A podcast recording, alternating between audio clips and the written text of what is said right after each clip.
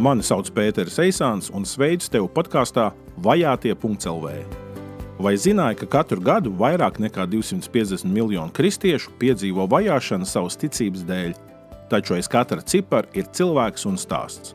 Šajā podkāstā tu atradīsi ekskluzīvu informāciju un pieredzes stāstus no top 50 valstīm, kur kristiešu vajāšanas notiek visbiežāk. Te tu iemācīsies paplašināt savu aizlūgšanu apvārsni, Te tu varēsi praktiski iesaistīties un izmainīt kādu vajātā dzīvi. Tas viss vienreiz mēnesī, lietišķā formātā, bez drāmas un depresijas. Pievienojies!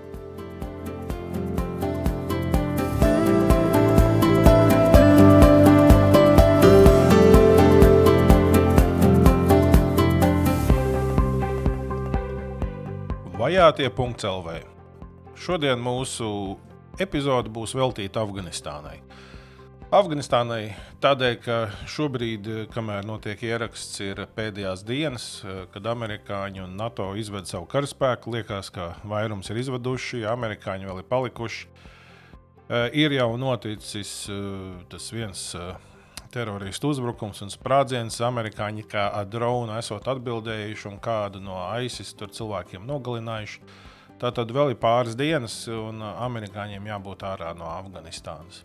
Un šajā epizodē ir no divas galvenās lietas. Viens tīri tagad iesākumā neliels tāds informatīvais bloks. Un pēc tam arī dzen, būs sazvanīsimies ar Andru. Viņa ir bijusi pirms vairākiem gadiem un, un, un, un vairāk reizes arī Afganistānā. Viena no lietām, ko viņi darīja, viņi arī mācīja meitenes augstskolā biznesa vadību. Un, un, un viņi tādu savu pieredzi pastāstīs, nu, kā bija toreiz. Tīri tā, lai kontrastam un kontekstam eh, mēs par to vairāk zinātu. Tātad no sākuma informatīvais bloks, pēc tam mēs sazvanāmies ar Andru. Viņš šobrīd dzīvo ārpus Latvijas, un tādēļ ar tā saruna notiksies mums Zoom formātā tīri kontekstam, kas mums jāņem vērā par Afganistānu.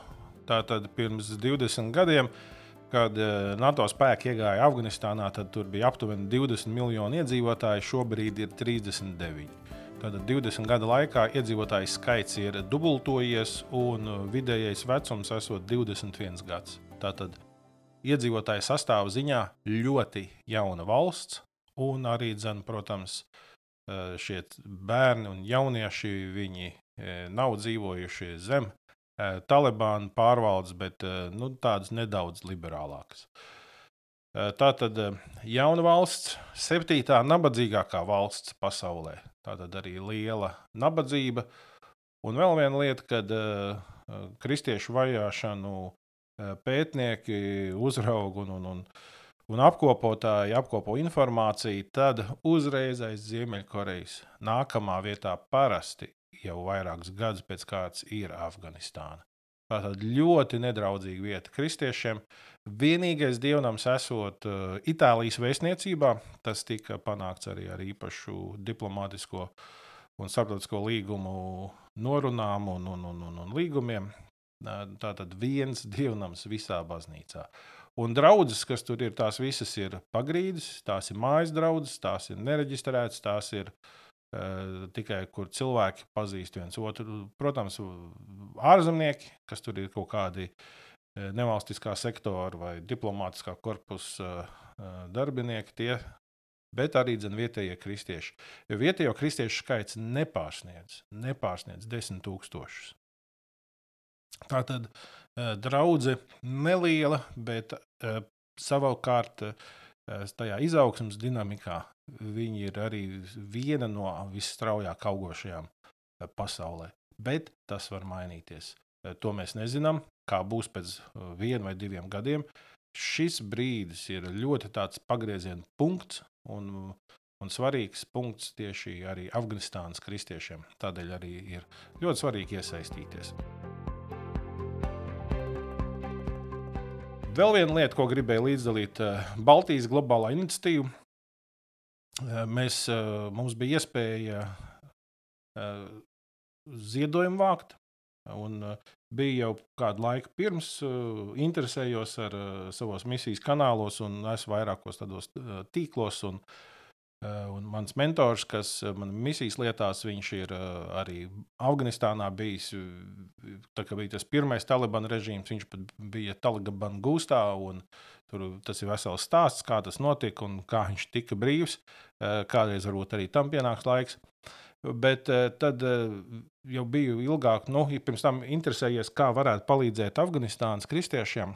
Un tad viņš teica, pēkšņi man paziņoja, zini, ir tā, ka burtiski tagad pēdējās trīs no nu, tādas zināmās kristiešu misionāru ģimenes, eh, ko labs kontakts, kam ir kontakts ar eh, vietējām draugiem, pagrīdes draugiem. Viņi varētu tur palīdzēt tās finanses tur eh, nokārtot, ja burtiski 24 stundu laikā varētu reaģēt. Un tā arī notika. Es Facebookā ieliku ziņu, Un, ja cilvēkiem, ja kāds grib piedalīties, lai raksta man personīgi, privāti, un Viss beidzās ar to, ka 59 cilvēki iesaistījās ziedojumā un, un, un, un, un noziedoja dāsni. Ziedojums jau ir jau pirms vairāk dienas, es vairs neatceros, cik dienām tur, man liekas, nedēļa atpakaļ jau pārskaitīts uzreiz, kā viņš ienāca. Un, un tas tagad ir uh, Afganistānā. Tāpat laikā, burtiski vakar es sarunājos ar arī to pašu mentoru. Viņš dzīvo Amerikā. Un arī par visām šīm lietām, par tām finansēm, kā par tiem afgāņiem palīdzēt, runājām. Un viena lieta viņš teica, ka tajā pilsētā, kur viņš dzīvo, uh, vienai afgāņu ģimenei, tad, uh, tiks uzticēti daži no tiem bērniem, kas tika pārmesti pāri pa žogu. Ko jūs redzējāt tur uh, bildēs, ja, kā pārmet pāri? Uh, Eh, izmisumā, ja, bērniņus, daži no tiem tagad nonāk. Un, un viņš un vēl kādi kristieši tur iesaistās arī kalpot, palīdzēt. Un, tik ļoti jocīgi tā sajūta, ka tu redzi kaut ko ziņās, tā ir tāda informācija, tas ir tur, un tad tu saproti, tas notiek pavisam tuvu, jo tev labi pazīstami cilvēki tajā visā ir iesaistīti. Dramatiska situācija. Bet Un no vienas puses, eh, ko es vēroju, eh, mazliet sevi, ka eh, reizēm grib piezakties tādas nu, bezcerības sajūtas, un, un, un, bet tai savukārt, manuprāt, jāstāv pretī. Un, un kā to darīt? Viena no lietām, ko, kas man palīdz, es tādā brīdī atceros Ķīna un Irāna. 20. gadsimtā divas valstis, kur bija skaidrs, ka kristietībai ir pagalam, viss beidzies. Eh, Mao Zeduns, ka uztaisīja revolūciju Ķīnā, izdzina visus ārzemniekus, ārzemnieku misionārus un sāka spiest draudus un, un, un apspiest kristiešus un, un, un solīja, ka uh, baznīca būs muzejs. Un visiem bija skaidrs, ka nu, viņš, kas ir tik daudz cilvēkus un simtus un tūkstošus nogalinājis, tur uh, viss ir beidzies. Bet pārsteigums bija tas, ka tad, kad Ķīna sāk atvērties, izrādās, ir tur draudzes. Un tagad tiek lēsts, ka patiesībā kaut kad līdz 2030.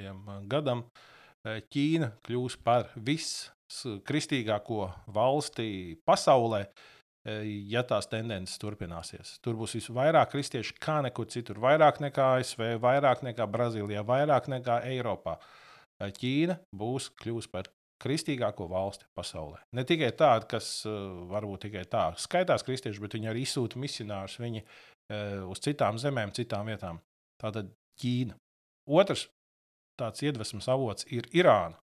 Arī 79. gadā, kad Ajatola Homeini nāca pie varas uh, Islāma revolūcijas uh, dēļ, uh, tika ieviests uh, šāriet likums un, un, un, un, un, un stingrais režīms. Ja? Tad atkal, kad mēs skatāmies, Irāna ļoti jauna valsts, gadu ziņā vidējais vecums, es tagad no galvas nepateikšu, bet arī ir salīdzinoši ļoti jauns. Un atkal ir pētījumi, to atkal un atkal ir apliecinājuši, ir tendence Irāņiem atteikties no islāma. Un daļēji tas ir šī fundamentālistu darbības ietekmē, šī stingrā režīma dēļ. Un Un tur ir šīs tendences. Vai nu viņi atsakās no islāma un kļūst uh, par ateistiem, vai nu arī viņi pievienojas citam pasaules uzskatam, uh, zoroastrisms vai cits, un arī dzan, kristietība.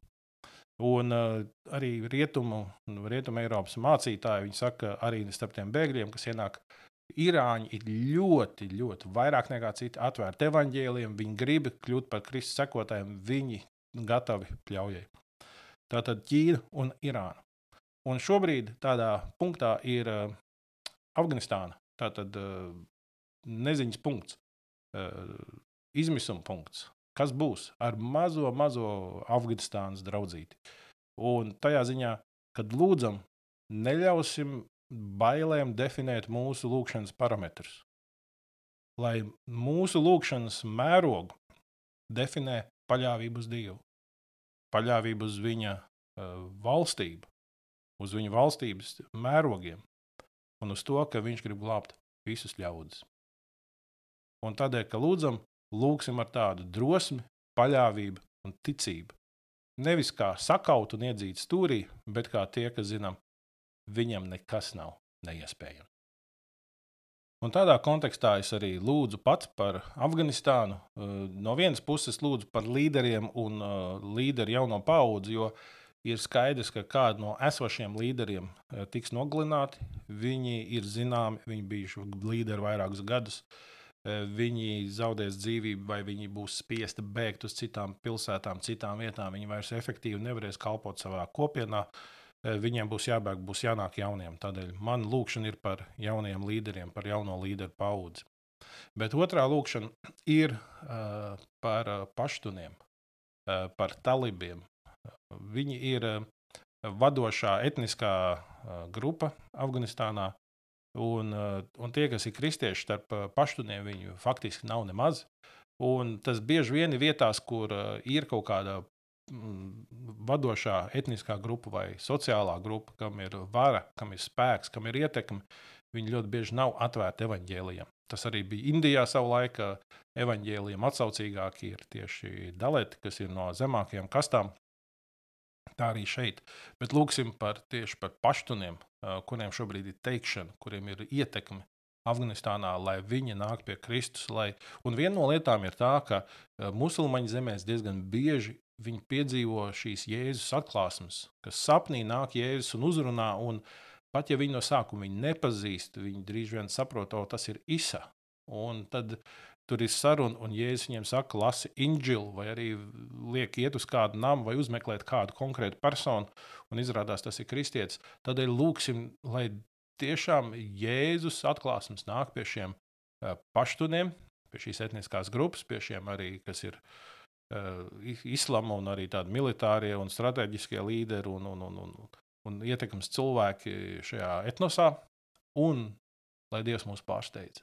Pēc gadiem 20, varbūt 30, ka Afganistānā būs kaut kāda cita vēja, ka mēs redzam un brīnamies, tur ir draugi un viņi stipri. Dzīvosim ar šo vīziju, dzīvosim ar šo lūkšanu, mērķu un apvārsni. Un tādā veidā arī raudzīsimies uz šo bezcerīgo situāciju no militārā skatu punkta, no ģeopolitiskā un daudziem to varētu vērtēt, nu, daudz to vērtē kā sakāvi. Es neesmu tāds speciālists, nu, skatīsimies, laiks rādīs. Bet kā teologs, kā misionārs, es tur redzu, šī ir vieta, kur Dievs grib un var darīt savu darbu. Tādēļ būsim tie, kas ar lūgšanām esam tajā iesaistījušies. Tas tāds konteksts, bet nu, laiks pāriet pie nu, galvenās sadaļas, kas būs šajā epizodē. Tā būs saruna ar Andru Radžu, un ar viņu es tūdaļ sazvanos, un viņa pastāstīs par savu pieredzi. Tātad sazvanamies ar Andru. Sveiki, Andra! Sveiks, Pēteri! Prieks dzirdēt tevi un paldies, ka tu arī tādā nu, diezgan aizņemtā dienā pieslēdzies šai sarunai. Cik es zinu, te uzņēmumā šobrīd arī diezgan daudz visādas lietas notiek, bet, bet arī zinu, ka tev Afganistāna mīļ. Paldies, ka tu pieslēdzies. Jā, kā tu saki, Afganistāna vienmēr ir bijusi manā sirdī. Uh, jo Dievs to ielika manā sirdī jau vairākus gadus atpakaļ, un man tiešām sirds sāp par to, kas notiek šobrīd tur. Tā kā man prieks pastāstīt par savu pieredzi Afganistānā. Tieši tāpēc arī gribēju tev sazvanīties, jo, nu, redzi, tagad mēs visi klausāmies ziņas, un tas tā kā saviļņo un pār, ir tāds pārdzīvojums vai ne, un satraukums, bet e, tu tur biji Afganistānā, es atceros, ka tu stāstīji un aicināji arī Dievu lūgt, nu, kad vēl viss bija tā samērā nu, mierīgi? Un, e, Tāpēc tādu fona informāciju gribētu saprast, nu, kāda ir tā Afganistāna, ko tu iepazini, ko tu redzēji? Un, uh, Un, un arī tieši no tava skatu punkta, jo, ja mēs runājam ar tiem karavīriem, kas tur ir bijuši ja, Afganistānā, eh, viņiem ir nu, viens skatījums, bet eh, no kaujas lauka. Ja, Bet mm. uh, tu esi bijis starp cilvēkiem, tu esi tur dzīvojusi vai ne. Un -hmm. tāpēc arī tāda perspektīva man arī interesē dzirdēt. Varbūt sāksim ar to, kad vispār tu tur biji un, un, un kā tas viss iesākās. Jā, man bija tas gods doties uz Afganistānu 2012. gadā. Tā kā krietni laika, krietni laika atpakaļ. Um, tas aicinājums doties uz Afganistānu. Es domāju, Dievs sāka man gatavot um, daudzus gadus iepriekš, jau pēdējā uh, pēdējā kursā, kad es biju augstskolā, man bija iespēja doties uz Eiropas līderu sanāksmi. Mhm. Un, un tajā laikā Dievs sāk runāt par to, lai es lūdzu pēc, pēc tautām, ja viņš dos to par manu īpašumu. Un tajā laikā es to nesapratu, vienkārši zināju to, ka Dievs runā, un kad, kad Dievs tajā laikā varbūt pat bija aizvērs durvis man uzsākt uzņēmējdarbību, jo mācoties 4. kursā, man liekas, ka es tagad mm, braukšu uz Ameriku, mācīšos kādā labā augstskolā uzņēmējdarbību un sākšu savu uzņēmumu vai pievienošos kādai lielai, lielai kompānijai. Bet jā, 2012. gadā es jau biju nodibinājusi savu labdarības organizāciju, darbojos ar ielu bērniem karostā kad pēc vairāk gadu mēģināšanas tomēr nāca tas uzaicinājums no Afganistānas, no organizācijas tur, kas aicināja man apsvērt iespēju doties uz Afganistānu un mācīt uzņēmēju darbību meitenēm universitātē. Mhm. Protams, tas ir aizsega nodarbošanās, protams, tā, tā bija kristīga organizācija, kas darbojās Afganistānā, ļoti daudz ir labdarības darbu, ja, bet tas mērķis, protams, bija caur attiecībām arī stāstīt par, par Dievu, par Jēzu, par kristietību, kas Afganistā, Afganistā, Afganistānā, protams, ir ļoti bīstami. Un šī būs tā vieta, Andra, kur es tikai iespraukšu to vienu domu tiem, kas klausās šo, lai viņi Eh, speciāli mēs neminam organizāciju nosaukumus un tādas lietas, eh, nu, lai nevarētu arī atpazīt, kur kas kā. Un, eh, jo nu, spēcdienesti ir visām valstīm un visiem režīmiem, kas kaut kā interesējās par to informāciju, kas viņiem aktuāli tādēļ, nu, kur ir islamisms vai ne valsts un režīmi tur. Tāpēc ar bišķī tā nedaudz caur puķītēm mēs dažas lietas pateiksim šodien. Nu tā, bet nu, turpinam. Nu, jā, ja tādā kontekstā, ja mēs skatāmies, ja, kad man liekas, ka pēdējā statistika, ko es redzēju, kad Afganistānā kristiešu īpatsvars ir 0,0003%. Mm -hmm. Kad, kad līdz ar to, tad, jā, protams, konvertēšanās uz kristietību ir sodām ar nāvi, evanģelizācija ir sodām ar nāvi, Tad, ja tev ir bībele, tas tev var būt nāves sots, ja, ja, ja tavā īpašumā ir bībele. Tā kā būt tur par kristieti un doties tur, tam, tam bija jābūt tiešām dieva aicinājumam. Neteikšu to, ka man nebija bail. Es domāju, ka līdz, līdz tam braucienam man bija tāds dievišķs miesas. Es zināju to, kad, kad es braucu tur. Uh, Dievu apsargāt, un ka tas ir tas aicinājums, bet, protams, tas cilvēciskās emocijas par to, kas bija dzirdēts par Afganistānu, tas, tās cilvēciskās emocijas ņēma tomēr varu tieši pirms iekāpšanas lidmašīnā, jo sev apkārt es redzēju viens, viens karavīrus, ja, kas devās dienēt uz Afganistānu un tikpat kā neredzēja nevienu sievieti. Uh mhm. -huh. Un, kā mēs zinām, arī šī brīža situācija, protams, ir, ka, ka sieviete nevar ja, viena pati atrasties uz ielas vai, Jā. vai kaut kur doties. Tajā laikā tomēr bija savādāk. Uh, lai arī tev bija jābūt uzmanīgai, tomēr tu varēji arī sieviešu pulciņā tomēr kaut kur doties, doties uz, uz tirdziņu, nopirkt augļus un, un tam mhm. līdzīgi. Un tā kā tu stāstīji, tad man bija tā iespēja uh, redzēt, gan, uh, gan piedzīvot uh, mazliet to, uh, kā dzīve notiek tur uh, karavīriem, uh, gan arī tikties ar. Um, ar ģimenēm, tur veidot attiecības ar vietējām organizācijām, arī ārzemju organizācijām, kas tur bija ļoti daudz veikt to labdarības darbu un caur tādiem mīlestības darbiņiem, caur attiecībām arī ļoti neuzkrītošā veidā pastāstīt par savu ticību vai kāpēc es tur esmu Afganistānā, lai, lai arī man pašai tajā laikā es biju daudz jaunāka un, manuprāt, arī ļoti nai, nu, tāda uh, naivums, jaunības naivums man mhm. bija par to, ka uh, uh, Un kā, kā, kā kristieti, man, manuprāt, man likās tā, ka, nu, ka Dievs man sargā, nekas man nevar notikt, ja es mhm. droši varu visiem stāstīt mhm. par, par to, kam es ticu. Un, uh, man liekas, tāda rietuma pasaules kaut kāda neaizskaramība, ja, ka tu uh, iesākumā nemaz nesaproti, ko tas nozīmē uh, tiem cilvēkiem pat būt saskarsmē ar kristiešiem, ja, vai dzirdēt to vēsti. Un, um, Tā kā es arī tagad skatoties atpakaļ, protams, redzu arī daudz kļūdas, ko, ko es pieļāvu jā, ar savu tādu jaunības maksimālismu un vēlēšanos visiem evanģelizēt. Mm -hmm. Um, uh, nu jā, bet tur neko nevar darīt.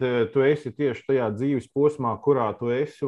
Katrā dzīves posmā tā cilvēka uztver nedaudz atšķirīgi, un arī tā arī, ja viņi atsaucas dieva aicinājumam, viņa tā kalpošanas maniera arī varētu atšķirties. Tas jau viss ir normāli. Un droši vien tas jaunības maksimālisms arī palīdzēja tev nu, tomēr tam atsaukties un, un, un iet un, un, un uzdrīkstēties. Varbūt arī tāpēc, ka tu līdz galam visu nesaprati. Es domāju, ka visam noteikti tagad, uh, 35 gadu vecumā, es, uh, es domāju, ka uh, Tur būtu jābūt ļoti lielam spiedienam, pārdabiskam, uh, lai es sapakotu savus somas jau un dotos uz Afganistānu. Uh, bet uh, tajā pašā laikā man gribētos, ka, ka vēl būtu tāda iespēja doties tur. Protams, skatoties šobrīd, kas notiek Afganistānā, tas liekas tik ļoti neiespējami, un tur tiešām būtu jābūt ļoti pārdabiskām lietām, kam jānotiek, lai, jā, lai, lai kristieši, kristieši vispār varētu izdzīvot. Jā, ir ļoti daudz stāstu arī no turienes. Es sazinājusies ar kaut kādiem cilvēkiem, ar ko es esmu kontaktos, kas mhm. tiešām ļoti pārdzīvo to. Un, uh, daži no viņiem tiešām man ir skumji to teikt, bet gaida, gaida drošu nāvi vai, vai to, ka, ka Dievs tiešām viņus apslēps. Mhm. Um, Un ir daudz, ir daudz par ko lūgt. Ir daudz par ko lūgt. Cilvēki tur ir tiešām ļoti lielā izmisumā par, par to, kas šobrīd notiek. Un ka tā brīvība, varbūt, ko viņi ir piedzīvojuši, tā ierobežotā brīvība, ko viņi ir piedzīvojuši, ka arī tā tiek atņemta. Nu, redzi, tad, kad tur iegāja koalīcijas spēki 2001. gadā, un tagad, ja ir pagājuši 20 gadi, Pa šo laiku Afganistānas iedzīvotāju skaits principā ir dubultojies. Jā, no kaut kādiem 20 miljoniem uz 38,5 kaut kas tāds - 39. Un vidējais vecums eh, valstī ir 21 gads. Tātad, eh, principā, nu, lielākā daļa iedzīvotāji ir dzimuši pazīstot nu, to jaunāko kārtību, kāda bija nu, tad, kad tur bija arī rietumnieki iekšā, vai ne, un kad nevarēja būt tāds striktais islāms. Uh, Mm. Un, nu, tā, un tādēļ viņi tagad saskarās ar nu, šo pārmaiņu, kur viņi no vecākiem, no omītiem varbūt dzirdēja, vai ne kāds bija tas Talibānu valdības periods. Bet uh, lielākoties cilvēki jau uztraucās arī par meitenēm, par sieviešu likteņiem. Un, varbūt pastāst, kā tu iepazini to sieviešu dzīvi tur, tad, kad tu biji arī augstskolā, tu mācīji, nu, tu, tu meitenes mācīji, cik es zinu. Nu, Kā, kā notika šī saskarsme, kādas viņas bija, kādas viņas redzēja, kāda bija to laiku viņu dzīve? Jā, es mācīju jā, tikai meitenes, jo es kā sieviete nevarēju, man nebija atļauts mācīt puišus. Um, bija ļoti interesanti arī tas, kad, uh, ka man bija jā, nu, jāiegūst atļauja no mm, tās augstskolas uh, rektoriem, uh, vīriešiem, ja, kas, kas būtībā izķidāja visu man dzīvi, uh, lai saprastu, ja, ka es neesmu tā kā uh, bīstam, uh, bīstam viņu studentiem un um, ka es uh, kaut ko nepareizi tur nedarīšu. Uh, tajās biznesa, biznesa stundās un, un tam līdzīgi. Um, man bija ļoti interesanti tas, ka tas pirmais priekšstats, protams, bija ierodoties Afganistānā. Es ļoti daudz redzēju sievietes tajās zilajās paranģās. Uh, vai arī tajā laikā mm, bija tā, ka tā, tā varbūt pat bija brīva izvēle, vai, vai ģimenē noteikts, ja, ko tu vari, ko tu nevari. Tu varēji redzēt arī sievietes vienkārši, nu, garos apģērbos, bet ne, ne ar aizsektu seju.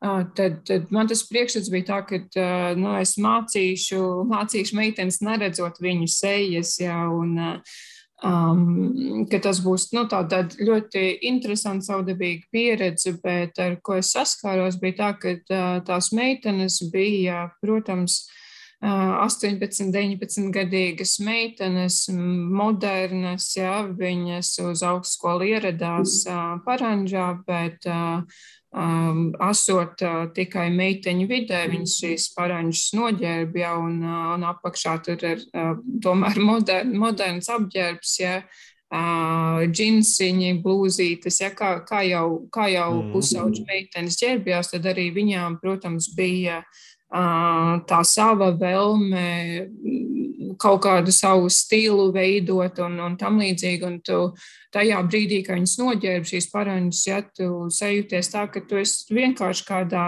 eiropeiskā valstī, kur tu māci uzņēmēji darbības pamatus, ja, un, un nebija vairs tā sajūta, lai gan tev ir. Um, tas, par ko tu vien, vienmēr esi, pieņemsim, bija ļoti uh, uztraukta, tā ka uh, nepateikt kaut ko nepareizi, jo zināja to, ka aiz durvīm stāv tomēr vīriešu kāds spiegs, ja, kas klausās to, ko es tur stāstu, lai es gadījumā, ja, nu, nesākt stāstīt kaut ko, kas nav pieņemams islāmā. Uh, Meitenes, meitenes ļoti gudras, ļoti pilnas ar cerību, ka viņas būs tās nākotnes veidotājas, ja vēstures veidotājas Afganistānā, ka viņām izdosies tomēr attīstīt Afganistānu. Viņi, es domāju, ka lielākā daļa jauniešu tur ticēja tam, ka viņi ir tā paudze, kas uzcels Afganistānu tajā um, tādā godībā, ko viņi varbūt viņu vecāki, vecvecāki bija stāstījuši vai viņi bija lasījuši, ja, ka, kad Afganistāna vienmēr ir bijusi uh, ļoti progresīva, būtībā skaista valsts. Ar, arī esot Afganistānā, varēja redzēt ļoti daudz ēkas, kas vēl nebija nopostītas. Varēja redzēt, varbūt, vai iedomāties to agrējo godību, ja, kā, tās, kā tās ēkas izskatījās. Un tad, tad arī daudzie jaunieši uzskatīja, ka viss iet tomēr uz to pusi, ka, kad būs. Uh, daudz maz līdzvērtīgas tiesības puišiem un meitenēm, lai gan viņām bija arī tā sapratne tāda, ka, pieņemsim, mēs mācību uzņēmēju darbības pamats viņām, bet viņām jau bija tā sapratne, ka à, lai reģistrētu uzņēmumu, man būs vajadzīga brāļa, tēva, vīra. Mm. Um, tas paraksts, jā, vai atļauja viņam jau bija, tad tas jau bija būtībā uh, tāda kultūra atšķirība, ja, kad, kad viņas jau pieņēma to, ka tas tā būs un ka tas nebūs tik vienkārši pašai uzsākt savu uzņēmumu vai pašai iet un kaut ko darīt. Um, Bet tajā pašā laikā viņas bija ļoti privileģētas ar to, ka viņas jau mācījās 3. un 4. kursā, ka viņas bija iegūstas labu izglītību, mācīja labi angļu valodu. Protams, daudzas meitenes arī gribēja turpināt savu izglītību Amerikā un iepazīt arī mazliet rietumu kultūru un redzēt kaut ko vairāk par Afganistānu un tad, tad atvest tās lietas tā atpakaļ, atpakaļ uz Afganistānu. Um, pavisam savādāks tas sieviešu stāsts ir noteikti mazākos ciematos, kur ir vairāk tas tradicionālais skatījums uz lietām, un man bija tā iespēja, lai gan lielāko daļu laika pavadīju lielākās pilsētās, gan Kabulā, gan Mazarī Šarif, tad mm. Caur organizāciju, caur kurienes braucu, man bija iespēja arī paviesoties mazākos ciematiņos un doties tur pie cilvēkiem vairāk ar ar mēķi ieraudzīt tās iespējas palīdzēt viņiem izkļūt no nabadzības. Un tā tas tika definēts jau, kad mēs braucām un meklējām, meklējām ģimenes, kam mēs varētu uzdāvināt vistas, pie, piemēram, jā, vai vai iegādāties viņiem malku, lai viņi tur ir afgāņi ļoti, nu, tur nav industrija, un tev tad līdz ar to tu vari būt vai nu maizes cepējs, vai pavārs, vai, vai pieņemsim, izvārīt zupu un tad uz tādiem ratiņiem aizvest un pārdot viņu, un tad līdz ar to mēs tajos ciematos meklējām ģimenes, kam bija diezgan grūti, bet kas bija gatavs kā pieņemt palīdzību, lai uzsāktu kaut kādu mikro uzņēmumu, lai, lai palīdzētu savai ģimenei. Viens no tiem mērķiem arī bija tāds, ka mēs saskārāmies tieši ciematos, kur vīri, brāļi bija Taliban sastāvā, ja, kas bija viņu, tas bija viņu, kā mums to stāstīja, ka Taliban bija viens no lielākajiem darba devējiem Uh mhm. -huh. Un uh, bieži vien tām ģimenēm arī uh, nebija īsti izvēle, ja izvēlēties, es tagad principu pēc uh, nepievienošos, jo nu, tādā veidā tu tā kā, noliec savu ģimeni dzīvības briesmās. Kā es stāstīju, tad uh, vismaz tajā laikā, kad es biju, bija tikai dažas uh, nodarbinātības iespējas, ja tu uh, Tu varēji būt, kā es teicu, maizcepējs, paklājaudējs, veikalnieks, varēja būt kāds mazs veikaliņš, varēja būt armijā, sarks pie kādiem ārzemniekiem vai kalps, kas ir ļoti tāds koncepts noteikti Latvijā, kas ir nepierasts, bet, eh, bet tur bija ļoti daudz cilvēku, kas eh, bija tieši ārzemniekiem. Ja viņi nu, būtībā strādāja, darīja visu kaut ko, mazgāja trauks, tīrīja, kas man likās ļoti uh, nepierasti pašai, kad man, man sanāca tādas situācijas, ja, kur man gribējās nomazgāt savu kafijas krūzīti, un man tika teikts, nē, tu ieliec, tu ieliec izlietnē, jo viņi vēlējās nodrošināt arī tiem afgāņiem kaut kādas um, darba iespējas, jau likt viņiem justies noderīgiem. Uh, bet es domāju, arī tagad, ko, ko, ko tu teici, kad ir daudz jauniešu, 21 gadu vecumā, un uh, viņiem es arī no vienas puses varētu saprast, kāpēc būt ja, vīrietim ar, ar, ar kaujas ieroci ir interesantāk pēdiņās nekā nekā strādāt jā, par maizcepēju vai, vai kalpu kādā, kādā ārzemnieku ģimenē. Nu, jā, um, bet nu, tas, tas jau ir, ir tas ekonomiskais aspekts, ne, kas to ietekmē. Un, un, un, un, bet arī nu, vēl jau jāņem vērā to, ka nu, nav jau tā, ka afgāņi ir tieši tādi paši kā mēs, tikai viņiem ir nu, citi dizaineri drēbēm. Nu, mm. tomēr jau tā kultūra un reliģija arī kaut kādā veidā ietekmē. Un, piemēram, ko tagad es klausos nu, piemēram, par sieviešu lomu, ka runā rietumu vai kādu žurnālistu uzdod jautājumu par sievietēm, un tas galvenais runas vīrs atbild. Protams, sievietēm būs tiesības šariata likuma ietvarā. Un tas, ko rietumnieki dzird, o, oh, sievietēm būs tiesības, nu tad jau ok. Bet tā piebilde šariata likuma ietvarā, nu, tas ir tas, kas eh, nu, gadu simtiem tomēr ir bijis Afganistānā un Pakistānā un, un, un visās citās stānās. Un eh, tas kaut kādā veidā to koridoru, cik viņš var būt plats, kurā var būt kaut kāda brīvība vai autonomija sievietēm, tas jau to iespaido. Un, un arī, protams, vīriešu izvēles iespaido un, un kaut kādas uzstādījumus. Nu, tā, tādēļ tā, tā jau arī ir tāda realitāte, ko jārēķinās.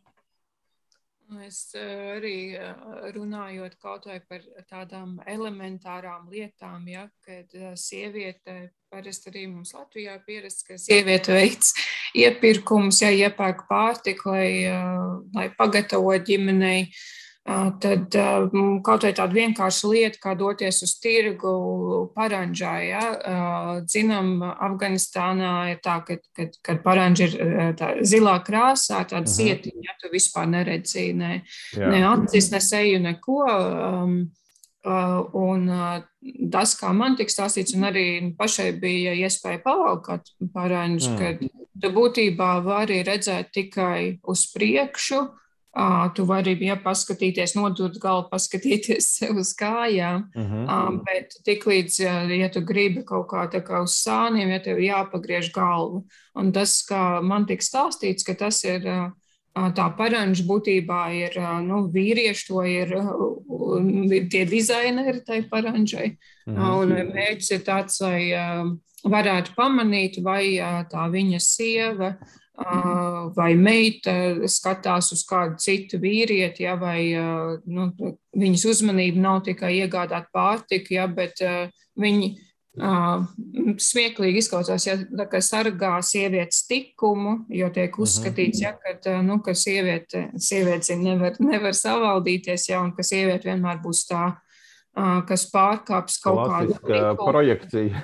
Jā, pārkāps kaut kādu likumu, nesīs kaunu ģimenei un tam līdzīgi. Ja, un, Tad līdz ar to arī tādas vienkāršās lietas ir iepirkt pārtiku, ja ir jau ierobežota tā sievietes brīvība, tā kā tu nu, tikai automātiski jā, skaties uz priekšu. Ja, Nopēc nedod Dievs, paceļot parādu, lai samaksātu parādu vairāk no savas rokas, nekā, nekā tu drīksti. Un, tā kā tur var bieži, bieži vien arī šīs sievietes piedzīvo vardarbību ģimenēs. Man pašai nācās arī redzēt sievietes, kas mums bija, mēs vadījām arī tajā laikā mazu uzņēmumu, šūšanas uzņēmumu. Mhm. Tur Afganistānā apmācījām sievietes, kā, kā izšūt, lai gan viņas ir, protams, daudz prasmīgākas, bet nu, arī ar mērķi tos ražojumus palaist rietumu tirgu, uh -huh. lai mhm. vāktu, vāktu naudu nu, Afganistānas attīstībai un tieši uh mhm. -huh. sieviešu aizsardzībai. Uh, un uh, bieži vien nācās redzēt sievietes, kas nu, novelkot paranģu, tomēr viņai ir uh, tie miesas bojājumi, ja, un uh, kad viņa ir sista. Uh, ir bijušas kaut kādas uh, domstarpības, bet uh, afgāņu sieviete nekad uh, nedalīsies par to. Mm. Atklāti, ja tur nu, tev jābūt ļoti lielai uzticamības personai, lai afgāņu sieviete tiešām ielaist tevi savā ģimenē, savā ģimenes dzīvē. Un, un arī tas, ka um, nav, jau tā, nav jau tā apziņa, ka uh, es esmu līdzvērtīga savam vīram, man ir tādas mm. pašas tiesības, viņš pārkāpja tagad manas tiesības. Ja, tur ir nu, diezgan lielā mērā ir tā Uh, nu, es esmu upuris, jā, es esmu kalponis savam vīram. Kā tu skaidro to apziņu, ka, ka sievietēm tieši ir šī apziņa, ka viņi nav līdzvērtīgi? Nu, kā tas ir veidojies? Kāds ir tavs skaidrojums, nu, vērojams? Es domāju, ka tas ir ļoti atkarīgs no tā, kā tu esi audzināts ģimenē.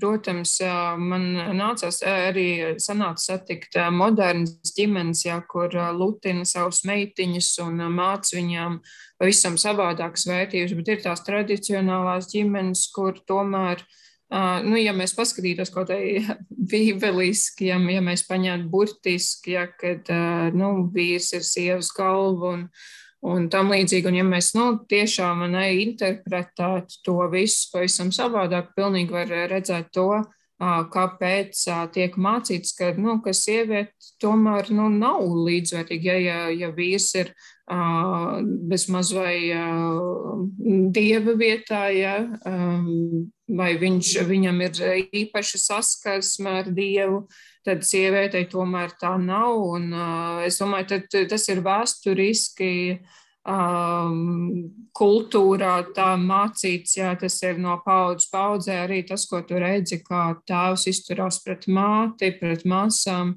Tu redzi, ja puikām ir uh, vairāk iespēju, viņi var iet spēlēties, viņiem ir vairāk rotaļlietas. Jā, tur tas viss tiek mm -hmm. Mazotnes tā pozicionēts, kad nu, tu kā meitene tev nav tik liela vērtība. Jā, vīrietis būs tas, kas kas būs apgādātājs, iespējams, tai savā ģimenē, varbūt meitene būs tā, nu, ko tā aizpre, aizprecinās projām, ja viņi ne, nebeidos to kā ģimenes mm, vēsturi vai to mantojumu, ja kāds jā, būs. Jā, jā. Ne, Bet nu, es gribu šī iemetināt vienu lietu, gan tu piesauc Bībeli vai ne, un, un, un, un tā es. Uh, gribu, nu, tīri kā teologs, pieteikt klāt šo domu, ka te tomēr ir atšķirība, teiksim, kur apustulis Pāvils runā, vai ne, ka vīrs ir sievas galva. Uzreiz tālāk viņš piemetina, un vīriem būs mīlēt sievu, kā Kristus mīlēja draugu. Tas ir nesaraujami kopā, turpatās vienā tekstā. Ja? Un jebkuri mēģinājumi pateikt, ka nu, vīrs ir sievas galva, punkts, un tur vairs nekas tālāk nesako, tā ir vai tā ir antikristīga, mm. antibībelīga mācība, kur, nu, kurai ar evaņģēlīju nav nekāda sakara. Ne? Mm. Nu tā, tā, un arī vēl tādā raksturvietā tur nav teikts, ka sievietēm būtu kaut kādā veidā jāuzskata par galvu jebkurš bioloģisks vīrietis. Mm. Tur ir runa tikai par attiecību kontekstu, no mm. mīlestības pilnu attiecību kontekstu par laulību. Mm. Uh, tā, tādēļ Tad es domāju, arī tā, tā, tā, tā kultūra, arī par cik, mm. ja mēs skatāmies Eiropas vēsturi, kur kristietība jau bija, vai ne tie Bībeles mm. teksti jau bija, bet tomēr kaut kā tā kultūra eh, nebija tāda pilnīgi līdzvērtīga. Tas jau tikai laika mm. gaitā ir attīstījies. Mm. Nu, es domāju, ka uh, kaut vai, nu, ja man paldies arī, ka tu, ka tu uh, to minēji. Tas, jā, tas pilnīgs, pilnīgs evaņģēlijs, protams, ir pavisam savādāks, jā, un uh, Dievs nešķiro, vai tā ir sieviete vai vīrietis, ja Dievs mīl mūs uh, vienlīdzīgi un aicina mūs mīlēt vienam mm. otru un, un, un kalpot viens otram. Um, bet uh, man kaut vai, kaut vai nu, šajā kontekstā, kas šobrīd notiek Afganistānā, es es esmu palasījis arī kaut kādas Latvijas mēdīs, ja, kas, kas mm. runā par šo situāciju un palasījis mazliet komentārus. Tas, protams, ka tas nav no kristiešu puses. Es vismaz ceru, ka tas nav no kristiešu puses, bet nu, tie komentāri diezgan ir arī nu, Latvijā tāds, tāds izteiktais, ja, ka, o, sieviete bez vīrieša nevar neko, sieviete vienmēr grib, lai vīrietis viņu pasargā, ja, un tad tāpat tās Afganistānā, nu, nu, lai, lai, ja tā sieviete grib to brīvību, lai viņa paņem to automātu un iet karoja. Nu, nu, tā, tādi bija tie, tie komentāri, ko es lasīju Latvijas mēdījos. Un, Un tad es saprotu arī pat, uh, pat mums Latvijā, ja ir kaut kur zemapziņā, ir kādai daļai vīriešu, vienalga ir tā pārākuma apziņa, ka viņi ir pārāk par sievieti. Ja, un, un viņa pilnīgi, okay. un pilnīgi noteikti tas būtu šausmas, ja tas nāk no kristiešiem, jo tādi ir teoloģiski deformēta un nepareiza apziņa. Jo jau no mm. radīšanas brīža Dieva tēls un līdzība ir tad, kad viņš vīrieti un sievieti radīja. Tas mm. ir uz abiem vienlīdz. Un, uh, Un, bet tāpēc jau te ir tas, uh, ir, mēs, ir daļa cilvēku, kas domā, o, nu, islāma kultūra, tā kultūra, viņi ir, mēs, mēs esam pārāki. Evangelijas jau, jau saka, ka jebkura kultūra sevī nes grēka salauztību. Mm. Mm. Ja, un arī tā, kurā mēs dzīvojam. Un tādēļ es, es kā mācītājs vienmēr cenšos akcentēt, ka mums jāskatās uz to, kas ir evanģēlijs. Ja. Mm -hmm. pie kā mēs turamies, un arī mūsu kultūra, kurā mēs dzīvojam, ir salauzta. Tajā ir grēka šī salauztība. Un es domāju, ka atgriežoties atpakaļ pie, pie Afganistānas, manuprāt, arī tas, ka pieņemsim, es varēju doties kā, kā jauna sieviete uz Afganistānu, jau um, pats fakts kā tāds bija liecība šīm sievietēm, ja, jo mhm. viņām tas nebūtu iespējams, ja bez tēva, brāļa vienkārši doties uz tik tālu valsti un, un, un, un, un mācīt uzņēmēju darbību. Un, nu, kad, kad tas ir pilnīgi jau liekas nākotnē, varbūt ar tādu cerību viņi skatās, ka viņām būtu tā brīvība tāda, bet um, jā, tur ir ļoti, man liekas, ka viss tā attīstība, kas ir notikusi šo 20 gadu laikā, jā, tad, tad tas, nu, ir tā sajūta, ka tas viss tā kā nu, tiek iznīcināts, ja tur jā. nedēļas laikā un, un pagriezts atpakaļ. Un, un lai arī ir, tā kā tu teici, ir jau tie viņu noteikumi, kad, kad, ko viņi saka, ka būs tā, ko mēs rietumnieki dzirdam, ja, kad sievietēm būs brīvība bet nedzirdam to bet. Jā. Jā, kad kad, kad uh, tomēr būs tie, būs tie ierobežojumi. Un, un, un es pat nespēju iedomāties, jā, cik, cik vēl vairāk tas ir, ja, ja sieviete tic dievam, ja, mhm. uh, ir, ir kristiete, uh, ir konvertējusies. Nu, tas ir. Um, Tas, eh, nu, tur man liekas, tā, ka, ka nu, ja, ja es aicinu mūs nomirt sev, tur eh, nu, pieņemt tādu lēmumu, tiešām ir tā nomiršana sev, pilnīga paļaušanās, tas, ka, ka Dievs ir tā tava dzīvība. Um, nu, tādu nodošanos, man liekas, um, Dievam mēs bieži vien nepiedzīvojam rietumu pasaulē, rietumu baznīcā. Mm. Um, varu arī mazliet pastāstīt par, par to pagrīdes draugu. Jā, tas tieši uz to jau grasījos, jau tev prasīt, ko, ko, ko tu piedzīvoji, redzēji un uh, tieši kristiešu kopienā. Kā, kā es teicu, tad uh, atklāti. Tu, protams, nevar būt kristietis. Tur um, lielākā daļa arī organizācijas, kas tur ir, uh, kristīgās organizācijas, tur uh, ir ar segvārdiem. Jā, neviens tur mm. nesauc sev par kristīgo aliansi vai vēl nezinu mm. kā. Un, um, un tā kā ir segvārdi un uh, lielākā daļa. Uh, uh, kristiešu kustības notiek pagrīdē ļoti slepus, uh, um, caur māju draudzēm, caur um, pieņemsim um, tā pagrīdes draudz, kurām man uh, uh, bija iespēja arī uh, darboties. Tas, kā tika prezentēts, jā, ir kā, nu, uh, ir kaut kādas apmācības stundas, neminēšu konkrēti, jā, lai, jā, jā, jā, jā, jā, jā, bet, Bet, uh, nu, kad tu nu, past, pastāsti, ja, kad, pieņemsim, nezinu, pieņemsim, datormācības stundas būs. Uh -huh.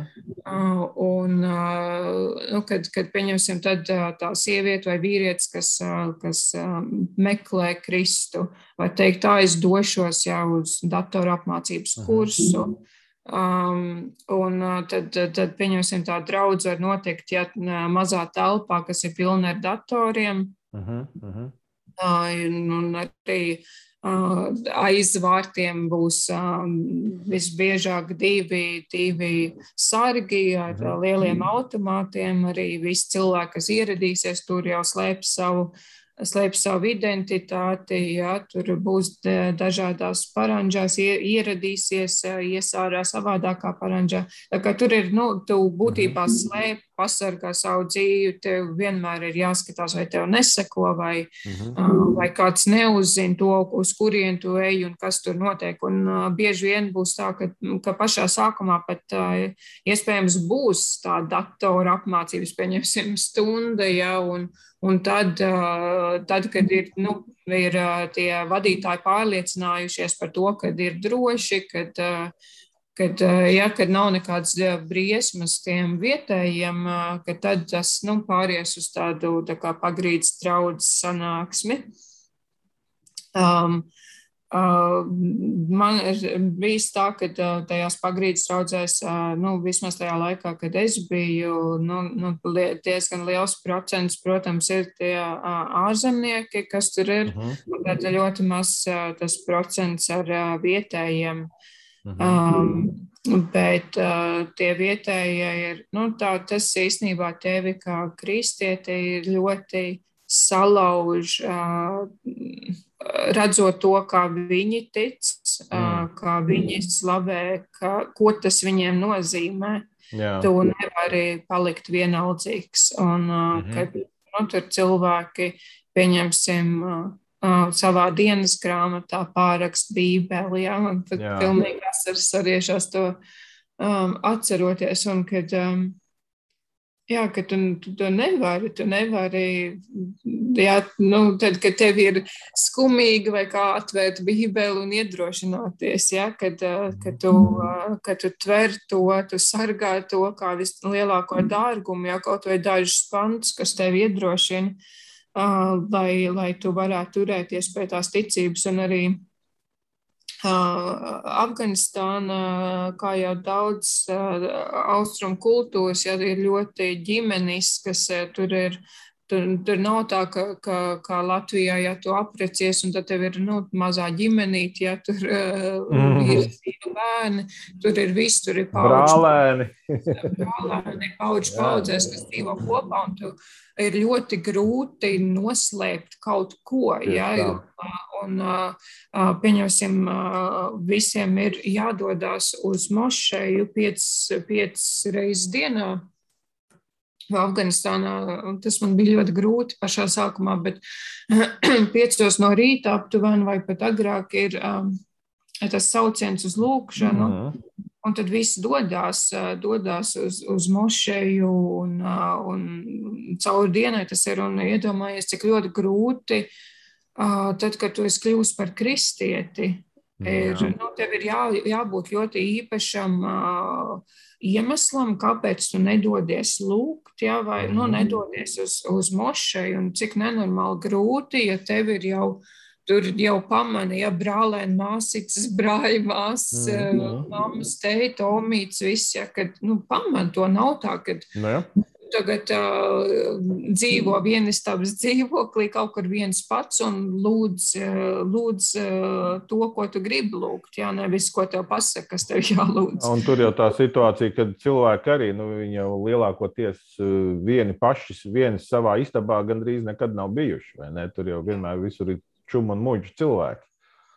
Tieši tā, kad lielākā daļa ģimenes arī, ko nu, man sanāca apciemot, ir tā, ka kad uh, tur ir, pieņemsim, nu, ja tu iedomājies, mājās ir viesistaba, mhm. -huh. tad, uh, nu, tu neredzēsi viesistabā tur divānu, galdu, ja tur tele, mhm. -huh. televizoru, skapīt vai ko, bet tur, tur ir milzīgs paklājs, tur ir uh, kādi tā kā spilveni un tam līdzīgi, jo šī viesistaba kļūst arī par guļamistabu, ja, mhm. daudziem, ja ceļš ir daudz bērnu, vai ir vairākas paudzes, kas dzīvo kopā, tad katrs ieņems to savu stūrīti un, un, un, un, un tur tā kā saulē norietot, ja, vak, vakaram mm. iestājoties, arī tur viss tur būs tajā istabā un tad pamēģini, ja, tad tomēr lūgt, nu, tā, ka sakot islāma sistēmai, viņai, viņiem taču tā lūkšana pat ir ļoti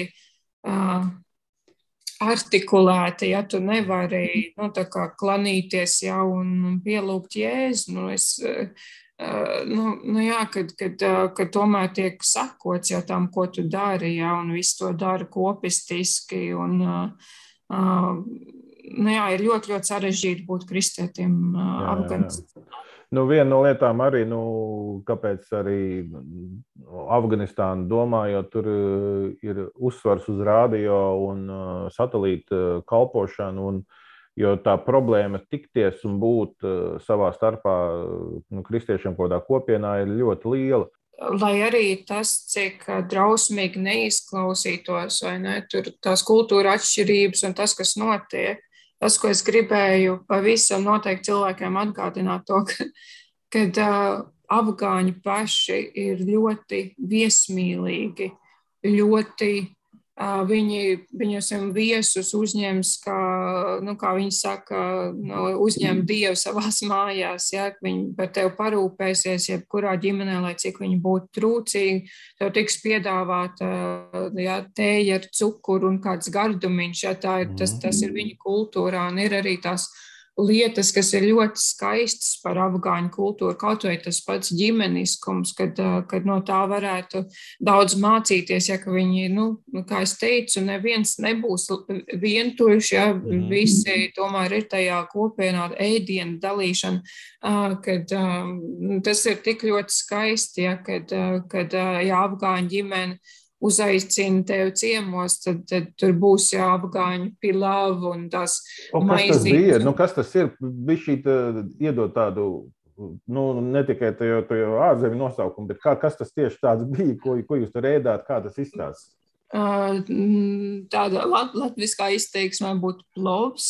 Tā kā, mm. Tas ir ļoti, nu, tā kā viņiem iecienīts, bet tas plovs ir ar, ar žāvētiem augļiem, ar jēra gaļu. Uh, Um, tagad man ir jocīgi to teikt, jo esmu veģetārieti, uh, bet, bet tajā laikā nebija. Un, mm. un tad, tad tas ir vienkārši, nu, tur pat nevar iedomāties, ka plovs Latvijā ir. Nu, ok, ir garšīgi, bet tur tas ir nu, stundām, 12 stundu gatavots. Ja? Mhm. Tur ar dažādām garšvielām, un tas ir tik ļoti aromātisks. Un, un, un garšīgs, un tā dalīšanās, ja tev nav tā, ka tev nu, uzliek Latvijā, ja tev uzliks porcija, tad tur ir viens lielais trauks, un visi, visi tomēr ēda kopā, un tā dalīšanās, un tu lauz maizi ikdienas kopā ar kādu, un tas tā tā piederības sajūta, ja, tā kopības sajūta kaut vai tajās ēdienu reizēs, man liekas, tas ir tik ļoti skaists par Afganistānu. Afganistāna arī ir ļoti skaista zemē ar kalniem. Ar jā, kalniem. Tik dažādu to nu, dabas dažādību, bet uh, arī kultūru, kultūru dažādību. Um, nu, afgāņi kā tādi cilvēki ir ļoti uh, ļoti skaisti, bet ļoti ierobežoti svinēt to, to, kas, to, kas viņi ir, jā, dēļ, mhm. dēļ reliģiskas kaut kādas nostājas jā, vai um, reliģiskiem likumiem. Un, un tas, ko es gribēju pateikt, ir, ir tas, ka uh, mans priekšstats par Afganistānu pilnībā mainījās, uh, esot tur. Ja es braucu, nu, es vienīgais, ko es zināju, kad, ka Latvijas karavīri bija sūtīti uz Afganistānu, un man arī nu, ģimenē bija kādi, kas bija atgriezušies no Afganistānas mm. sakropļot un tam līdzīgi. Tas bija tas priekšstats, ar ko es biju uzaugusi par Afganistānu, ja, tu, nu, ka briesmīgi um, zeme un, un, un tam līdzīgi, tad uh, tas priekšstats man par Afganistānu, nu, es tiešām iemīlēju to zemi, iemīlēju tās iedzīvotājus. Jo, jo tas, ko mēs redzam mēdījos, bieži vien mēs redzam to negatīvo, nesmuko, nesaprasto, un kas, nu, kas nav tas lielums. Ja ir Afganistānā 30 plus miljonu cilvēku, ir daļa, kas ir ekstrēmisti, kam ir tā balss. Ja, pastāstīt to, to savu versiju par Afganistānu, bet lielākā daļa afgāņu tiešām ilgojās pēc miera, uh, ilgojās pēc attīstības, ilgojās pēc tā, ka viņi varēs svinēt jā, to savu kultūru un kopā būšanu tādos miera apstākļos, ka viņiem nebūs jāuztraucās par to, ka krīt kaut kur. Ja kur nu, atkal šauja vai, vai jā. Eksplozijas notiek un, un tam līdzīgi. Un, es domāju, ka es gribu aicināt arī cilvēkus lūgt, uh, lūgt par kristiešiem Afganistānā, um, ziedot organizācijām, uh, kas, kas ir tur, kas rūpējās arī par sievietēm. Sievietēm ir īpaši nebūt aizvērtiem. Arī man sirds sāp arī tad, kad Latvijā jāsāk ienākt kādi bēgļi no citām valstīm un kad uh, mēs nesaprotot to atšķirību, nu, ka mums nav bijis saskara ar, ar cilvēkiem no citām valstīm, ka mēs ļoti nu, norobežojamies vai nosodam, vai pat negribam būt atvērti citām kultūrām. Un es gribu aicināt tos, kas klausās. Um, um tās sadzirdēt ar, ar sirdi to, ka, ka mēs visi esam cilvēki un mēs visi esam pelnījuši mīlestību, pieņemšanu, saprašanu un uh, nebaidīties uh, iepazīt uh, atšķirību un piedzīvot to skaistumu, ko tu vari piedzīvot tikai iepazīstot citas kultūras. Tas tāds mans mazais nu, aicinājums. Labi, Andri. Paldies tev! Visu labu! Paldies tev, Pēter!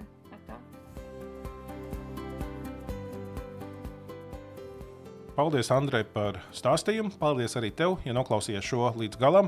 Ja tev likās noderīgi, viss, ko dzirdēji, tad arī dzen, var ieteikt citiem, vai arī kādā lūkšanas grupā, kaut kādā formā nošērot, ja, vai draudzes mazajā grupiņā pasakot, ko šī ir tāda laba lieta, kur par Afganistānu var vairāk uzzināt. Un arī šajos uh, podkāstos, jā, mēs turpināsim runāt. Un, ja būs jaunas ziņas par Afganistānu, uh, ziņošu arī šeit, uh, lūksim par Afganistānu un citām ajātām vietām.